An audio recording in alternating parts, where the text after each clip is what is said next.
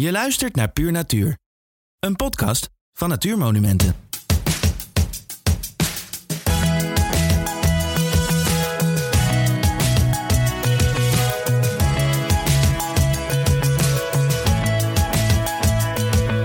In deze aflevering spreken we met Jeroen Dijsselbloem. Sinds afgelopen voorjaar is de voormalig minister van Financiën de opvolger van Hans Weijers. Wat kunnen we van hem verwachten als nieuwe voorzitter van de Vereniging Natuurmonumenten?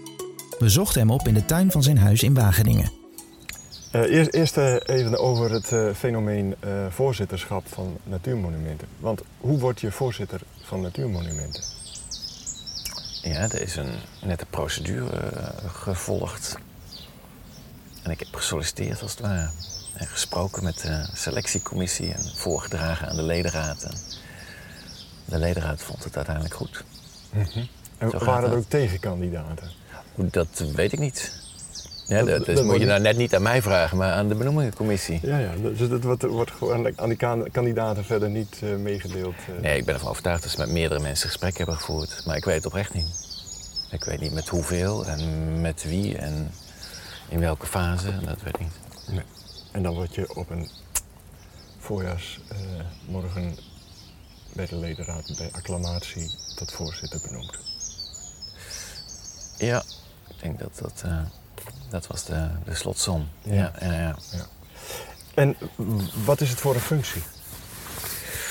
Ja, je bent echt voorzitter van de vereniging. Het is wel bijzonder om, voor, ook voor alle leden, om zich dat te realiseren. Je bent lid van een vereniging, dus dat is natuurlijk een hele mooie structuur. Ik bedoel, dat creëert enerzijds een directe binding met mensen die ook allemaal om de natuur geven en daaraan bij willen dragen.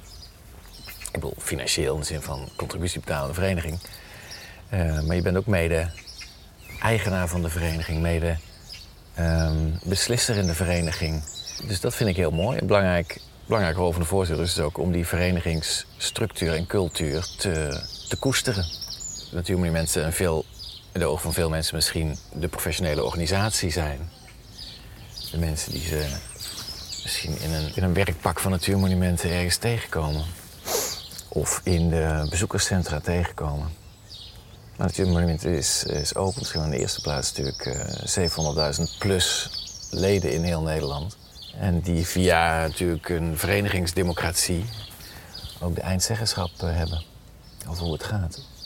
Dat vind ik heel mooi. Omdat juist in deze tijd volgens mij enorm belangrijk om na te denken over niet alleen maar het goede doen, maar ook vooral daarin zoveel mogelijk mensen te betrekken. Dat iedereen denkt dat hij het goede doet. Maar hoe krijg je mensen erin mee? Mm -hmm. Waarom is dat belangrijk? Omdat um, terecht of onterecht veel mensen in onze samenleving denken dat het allemaal over hun hoofd heen gaat. De, de overheid doet maar, of natuurmonumenten, grote organisatie, groot grondbezitter, doet maar.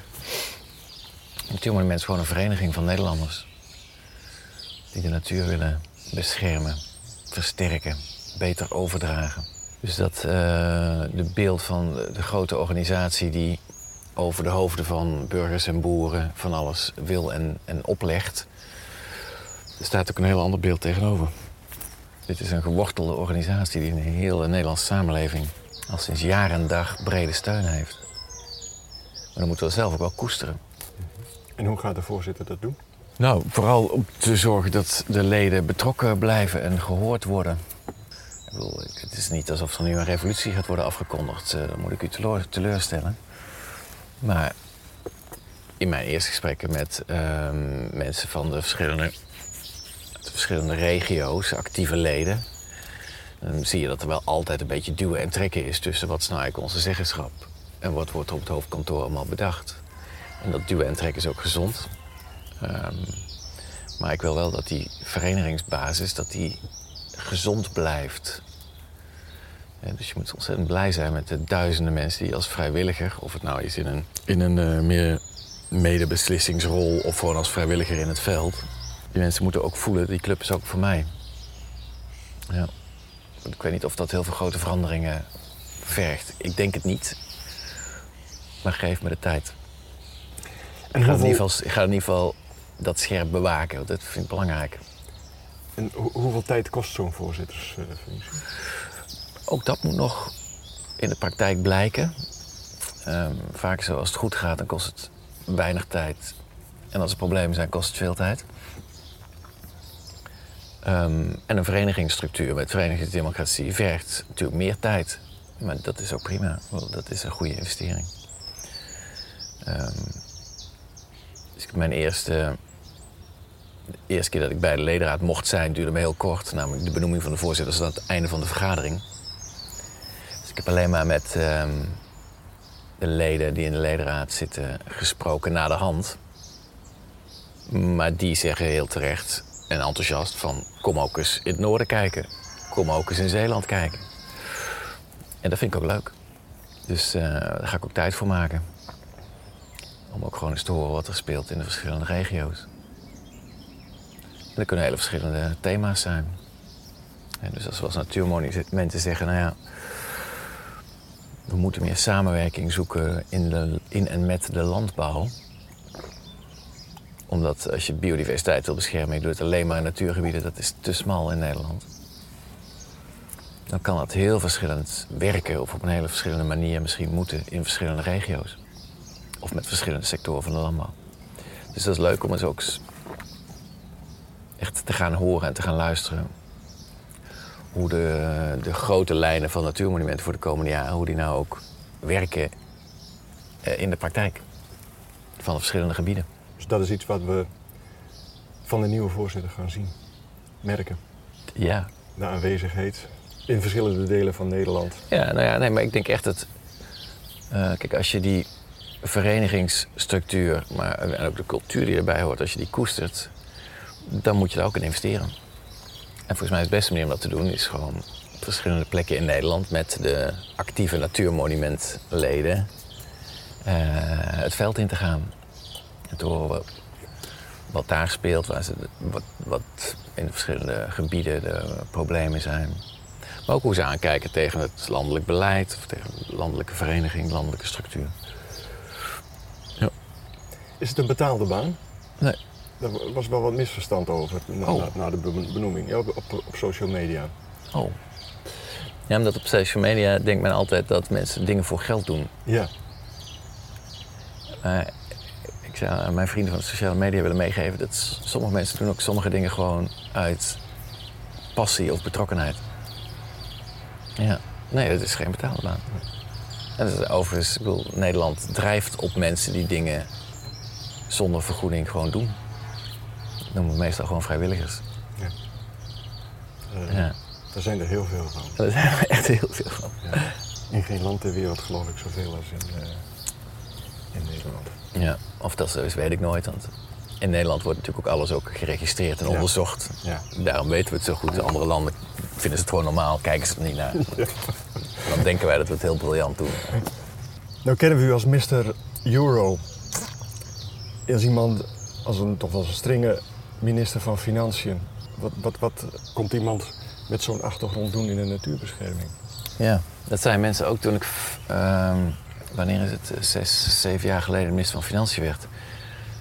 Want ik was een landbouweconoom en ik had me, voordat ik de politiek in ging, in ieder geval vooral bezig gehouden met landbouw, milieu en natuur. En toen ik minister van Financiën werd, zeiden mensen: wat komt de man met zo'n achtergrond doen op financiën?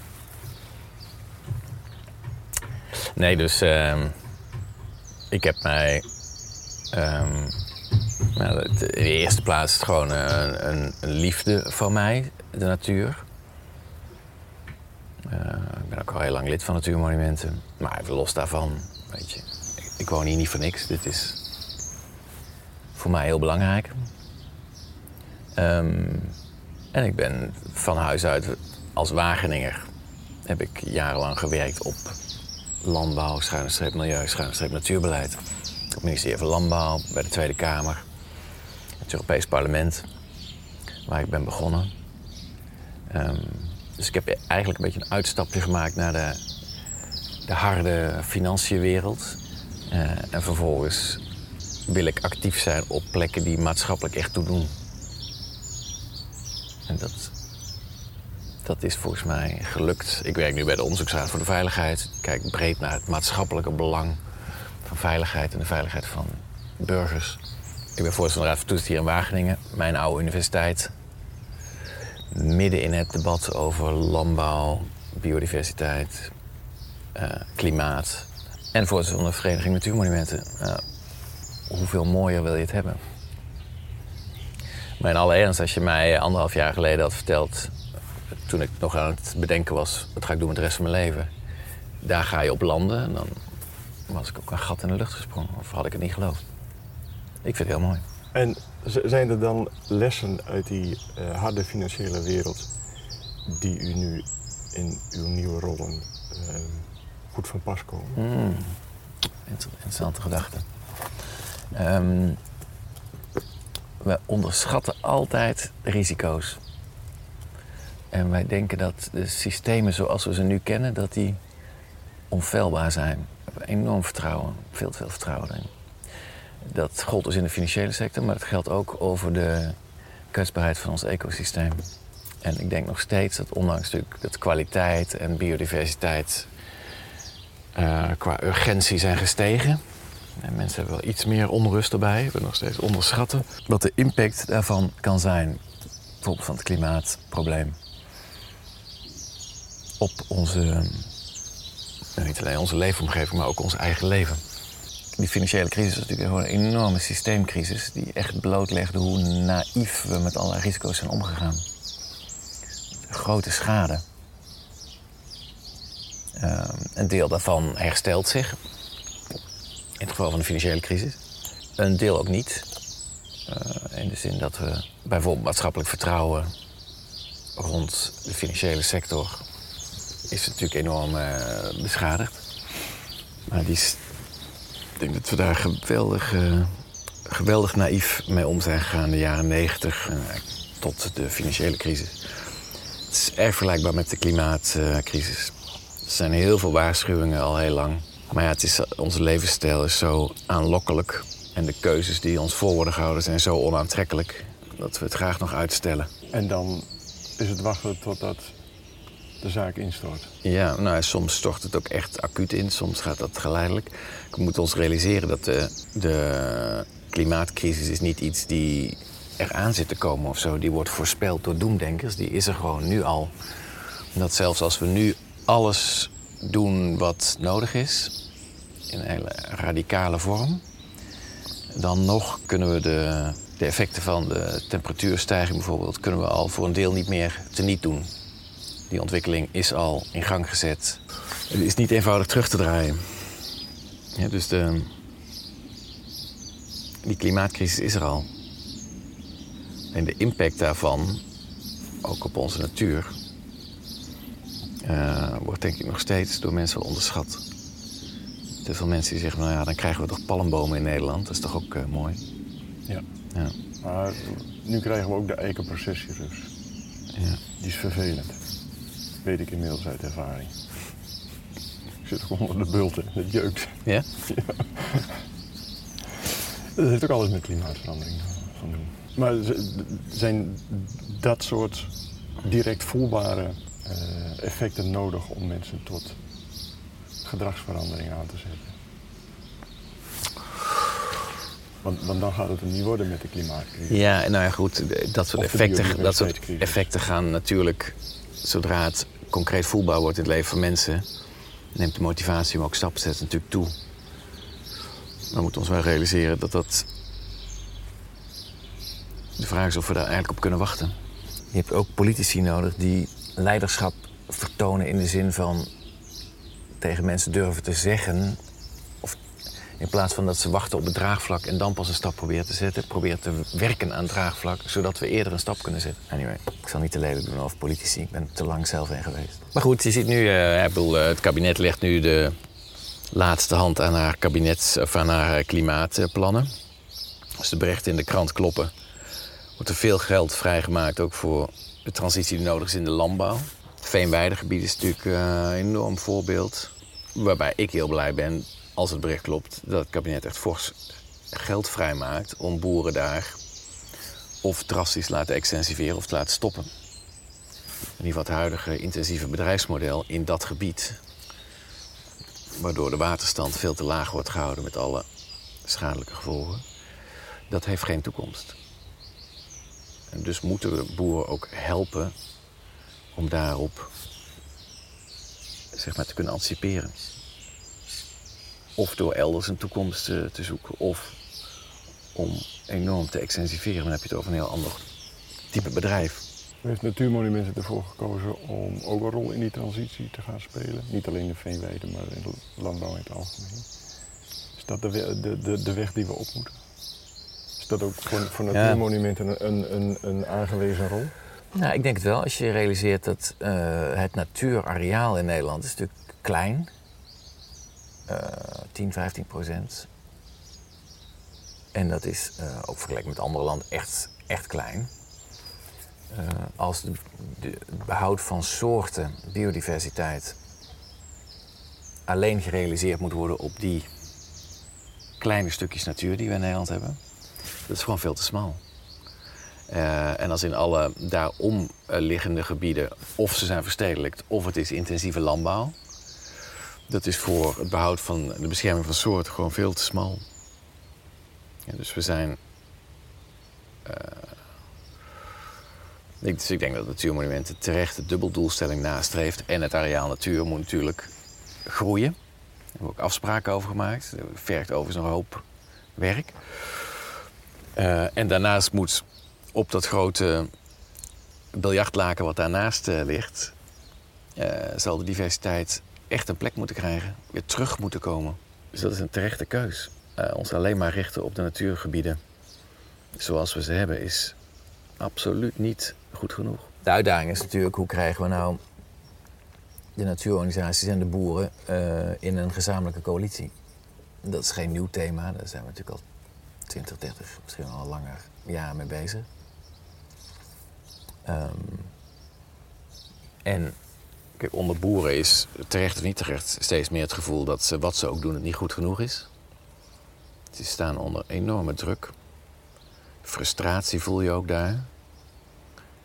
Er is natuurlijk de afgelopen twintig jaar geïnvesteerd in allerlei verbeteringsmaatregelen, deels zeer technisch, hè? luchtzuivering. Ehm, deels gericht op dierenwelzijn, deels gericht op tal van voorbeelden. En boeren zijn zeer gefrustreerd. Het gevoel hebben, ja, maar de- toekomst van mijn bedrijf is nog steeds niet zeker gesteld. En er komen weer nieuwe maatregelen aan. Ehm, Dus de vraag is ook of we een uitgestoken hand kunnen bieden. En met elkaar kunnen nadenken over bedrijfsmodellen die wel toekomst hebben. En wat is daar dan voor nodig? En daar heb je de overheid natuurlijk bij nodig. Heeft u daar ideeën over? Dat soort bedrijfsmodellen?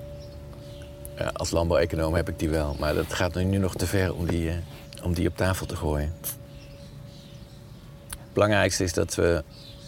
eh, eh, ik denk dat als we echt de ambitie willen waarmaken om eh, die meerwaarde voor de natuur ook echt over het grotere landelijk gebied te realiseren. En niet alleen maar binnen kleine natuurgebieden. Dan moeten boeren en natuurorganisaties bondgenoten worden. Nou, dat is een groot ideaal. Sommigen zullen zeggen dat gaat nooit gebeuren. Ik geloof het niet. Zeker niet naarmate het besef breder indaalt dat de, de, de oude bedrijfsmodellen op basis van steeds verdere intensivering in Nederland eigenlijk weinig toekomst hebben. Want daarmee zeg je tegen heel veel boeren van... je zit op een doodlopende weg. Ja, en ik denk dat heel veel boeren ook al op zoek zijn naar nieuwe routes. Maar het is om heel veel rijden moeilijk. Er hebben natuurlijk heel veel investeringen zitten in installaties en gebouwen. Die misschien dat nieuwe bedrijfsmodel voor de toekomst niet meer passen. En de bank Maar dat zijn moeilijke processen hoor. Mijn, ik, ik ben altijd voorzichtig om daar heel hard te oordelen. Want het zijn ook gewoon veelal nog eh, gezinsbedrijven, generatie op generatie op een plek gewerkt. Geprobeerd onder de steeds hardere concurrentie van de wereldmarkt eh, je bedrijf eh, vol te houden. Voortdurend met de bank moeten schakelen om je bedrijf een nieuwe toekomst te, geven. Eh, dus het is ook echt complex. Dus ik vind ook dat we moeten kijken of we Daarom hamer ik zo op het bondgenootschap, het partnerschap. Of we kunnen helpen om gezamenlijk, dat kan, is niet aan Natuurmonumenten om het bedrijfsmodel voor de, voor de boeren te ontwikkelen. Maar wel samen na te denken over hoe we de landbouw een solide basis geven in, in, een, duurzame, in een duurzame setting. Is dat een grote opgave voor eh, de komende de voorzittersperiode? Ja, dat is denk ik naast gewoon het heel goed zijn in waar Natuurmonumenten zelf in de eerste plaats verantwoordelijk voor is. Dus ook gewoon haar eigen gebieden en haar eigen werk. Dus die gebieden gewoon supergoed beheren. En de cultuurgoederen die we eh, mogen beheren, dat zo goed mogelijk uh, doen. En kunnen over, nog beter overdragen aan volgende generaties. Dus dat is een beetje de basis op orde.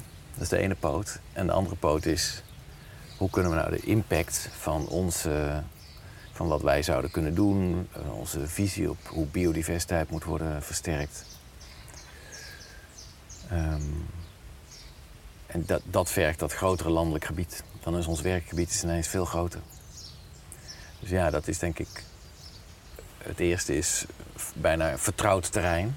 Daar liggen onze kennis en ervaring uh, van 100 jaar. En dat nieuwe is uh, die ingewikkelde grote uitdaging. Die wel moet gebeuren. En dan kan het van pas komen als iemand uh, die club leidt die al heel wat van die ingewikkelde trajecten uh, doorgelopen heeft. Ja, ik hoop het. Ja, weet je, ik ken gewoon het werkterrein landbouw, natuur, milieu heel goed. Omdat het mijn, eigenlijk mijn achtergrond is. Ik heb daarna allerlei andere terreinen bij bezig gehouden, waaronder de laatste jaren de financiële wereld.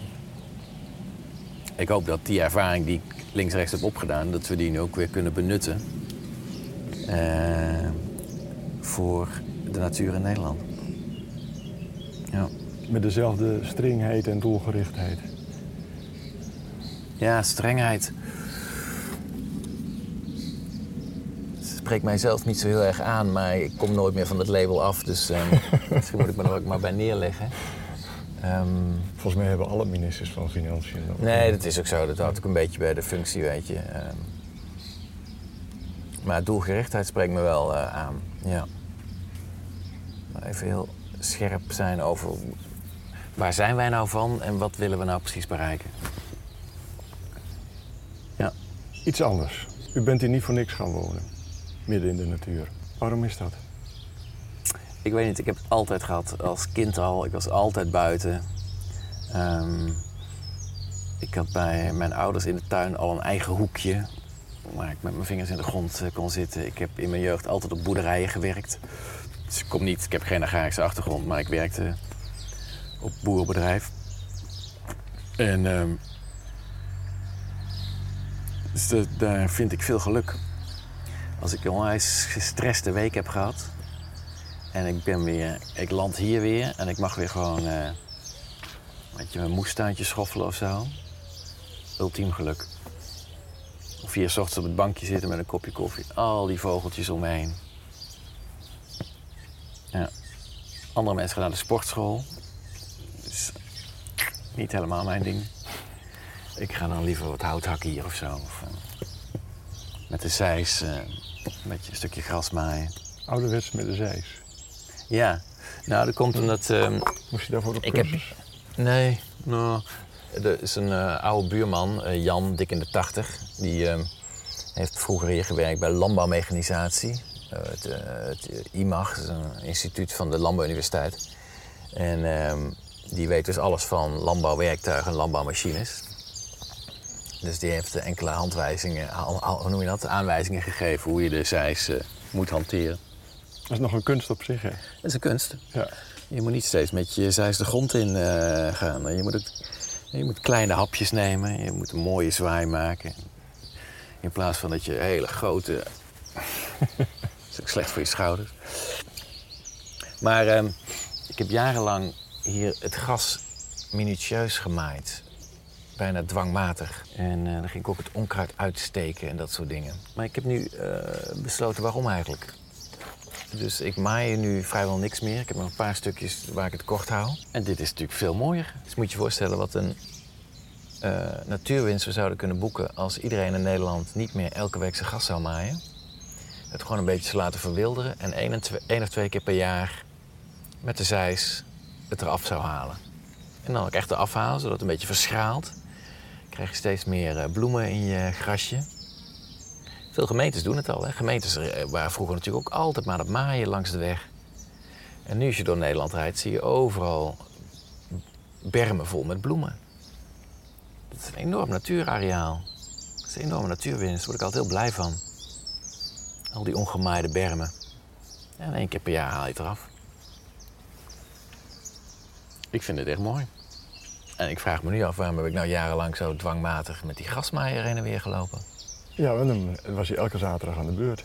Elke zaterdag, ja. Ook als je maar geen tijd had, moet toch het gras maaien. Want als je het een week oversloeg, was het die- de week daarna was, kwam je er bijna niet meer doorheen. Ja. Dan heb je natuurlijk ook weer eh, mest gestrooid. Helemaal stom. Dan moet je nog meer maaien. Jarenlang gedaan. Zo onverstandig. Maar ik vind wel, ik vind het als je eigenlijk hier zo overheen kijkt, over dit ongemaaide veld met al die bloemen, dan zou je heel veel insecten moeten zien. En je ziet het niet. Echt veel minder insecten dan vroeger. Ook in huis. In huis is het natuurlijk prettig als je minder muggen en vliegen hebt. Maar eigenlijk is het geen goed teken. Nee. Dus nou ja, Dus eh, hier op de terp doen we ons best om eh, de insecten en de vlinders weer terug te krijgen. We hebben bijen. Die staan hierachter. Bijenkasten. en die kunnen nog wel goed genoeg voedsel vinden in de omgeving. Ja, op zich is het natuurlijk hier. Nou, deze boomgaard. Die hebben ze natuurlijk in het voorjaar heel veel. eh, en er bloeit van alles hier in de uiterwaarden. Hè. Hadden we de meidoorns, kastanjes. Heel veel kruiden en grassen. En... Nee, dus dat volgens mij. Deze bijen hebben het nog wel goed. En hier wordt niet gespoten. Ook zoiets. Ook zoiets. Daar zijn we ook nog niet vanaf. Nee. Een ontzettend taai dossier is dat. eh, om eh, boeren zover te krijgen dat ze minder gaan spuiten. Of zelfs helemaal stoppen. Ja. Nou, helemaal stoppen, dan moet er echt een alternatief zijn. Bijvoorbeeld in de vorm van biologische bestrijding. En des te gecontroleerder de omstandigheden, des te beter dat kan. Dus, heel veel teelten in kassen. Dan kan dat gewoon. Sommige gewassen zijn echt hopeloos. Eh, lelies, eh, echt rampzalig. Eh, en sommige zijn, eh, zitten daartussenin en daar zie je het wel verbeteren. Maar En komt u nog wel eens in een ehm, ander natuurgebied dan uw eigen natuurgebied? ja, ja Want als je dit om je huis heen hebt, dan eh, ja, waarom zou je dan nog erop uitgaan? Ja, dat is een goed punt. Maar toch eh, eh, doe ik het wel. Kijk, wij wonen hier randje Veluwe, dus je kijkt hier tegen de Wageningse Berg aan. De Wageningse Berg is de, is de rand van het Veluwe-plateau. Hier botst de Veluwe en het Veluwe-plateau op de rivier. De Rijn stroomt daar. De Veluwe is natuurlijk een plateau wat hier abrupt ophoudt, omdat de rivier het gewoon heeft afgesleten. Dus als wij hier twee kilometer die kant op fietsen, zitten we in het bos. En dan kun je eindeloos fietsen. Kom je alle natuureigenaren tegen. Staatsbosbeheer, natuurmonumenten, het Gelders landschap, de Hoge Veluwe. Nou, dan ben je al wel een stukje verder. Ja, nou, maar dat is prima te doen op de fiets van hieruit. We zijn laatst nog weer naar de postbank geweest. Naar het bezoekerscentrum daar van natuurmonumenten. Maar goed, komen we eens andere hoeken van het land. Mijn eh, schoonfamilie komt uit eh, Drenthe. Ik ben daar pas nog wezen wandelen, ook weer bij het bezoekerscentrum van eh, natuurmonumenten. Dringeldeveld. Dwingelveld, Dwingelo. En, hoe ligt ik het verheug erbij? mij erg op de, de Markerwadden. Oké, Die- nog niet geweest. Nee, nee, nee, maar dat... Tegen de mensen van Natuurmonumenten gezegd, jongens... Ik wil heel graag eens gaan kijken door een Markerwadden. Ja, dat is wel de moeite waard. Ja. Dan komen eigenlijk zo'n beetje mijn, mijn eh, ingenieurskarakter en mijn liefde voor de natuur komen Oh ja. daar bij elkaar. Ja. Het maken. Je kunt natuur ook gewoon terugbrengen of creëren. De omstandigheden creëren en dan pakt de natuur het vanzelf over. En dan ruimte, ruimte bieden. Ja, laten gebeuren. Hoe zien de, de eerste honderd dagen van eh, de nieuwe voorzitter eruit? Ja, het, is geen fulltime functie. Hè, voordat je denkt dat ik honderd dagen fulltime nu door natuurmonumenten eh, loop. Nee, ik ga natuurlijk gewoon eh, kennis maken. Zowel aan de, zeg maar, de kant van de professionele organisatie. als in de vereniging. En ik hoop heel veel natuurgebieden te gaan bezoeken. Wat natuurlijk sowieso een cadeautje is. Dus dat beschouw ik niet als werk of zo. Dat ga ik niet in honderd dagen persen hoor. Dat, dat gaat me niet lukken. Dat gaan we gewoon de komende tijd doen. Ja. En is de ambitie... Het is ook een beetje hernieuwd kennismaken hoor, in alle eerlijkheid. Er zijn periodes geweest waar ik intensief met natuurbeleid bezig was. Bijvoorbeeld toen ik op het ministerie van eh, LNV werkte voor eh, staatssecretaris Faber. In de tijd dat de natuurnota, die heette Natuur voor Mensen. Mensen voor Natuur. Mensen voor Natuur, Natuur voor Mensen. eh, uitkwam. Ehm, of in de periode dat ik bij het Europees Parlement werkte, toen waren we bezig met uh, grensoverschrijdende natuur. Daar zagen we wel een rol voor Europa om juist die natuurgebieden die bijvoorbeeld op de Nederlands-Duitse grens liggen. Het is zo grappig dat als je door die grensgebieden fietst of rijdt, dan zie je ook echt dat het grensgebieden zijn. Hele delen daarvan zijn echt leeg.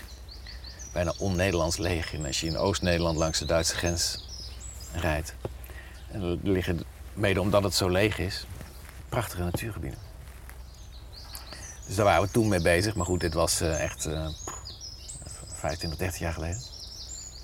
Dus er waren periodes dat ik wel intensiever echt bezig was met natuurbeleid. En ook natuurmonumenten in die tijd behoorlijk goed kende. Maar dat is natuurlijk wel even een, een knip geweest. Dus ik moet het ook gewoon weer...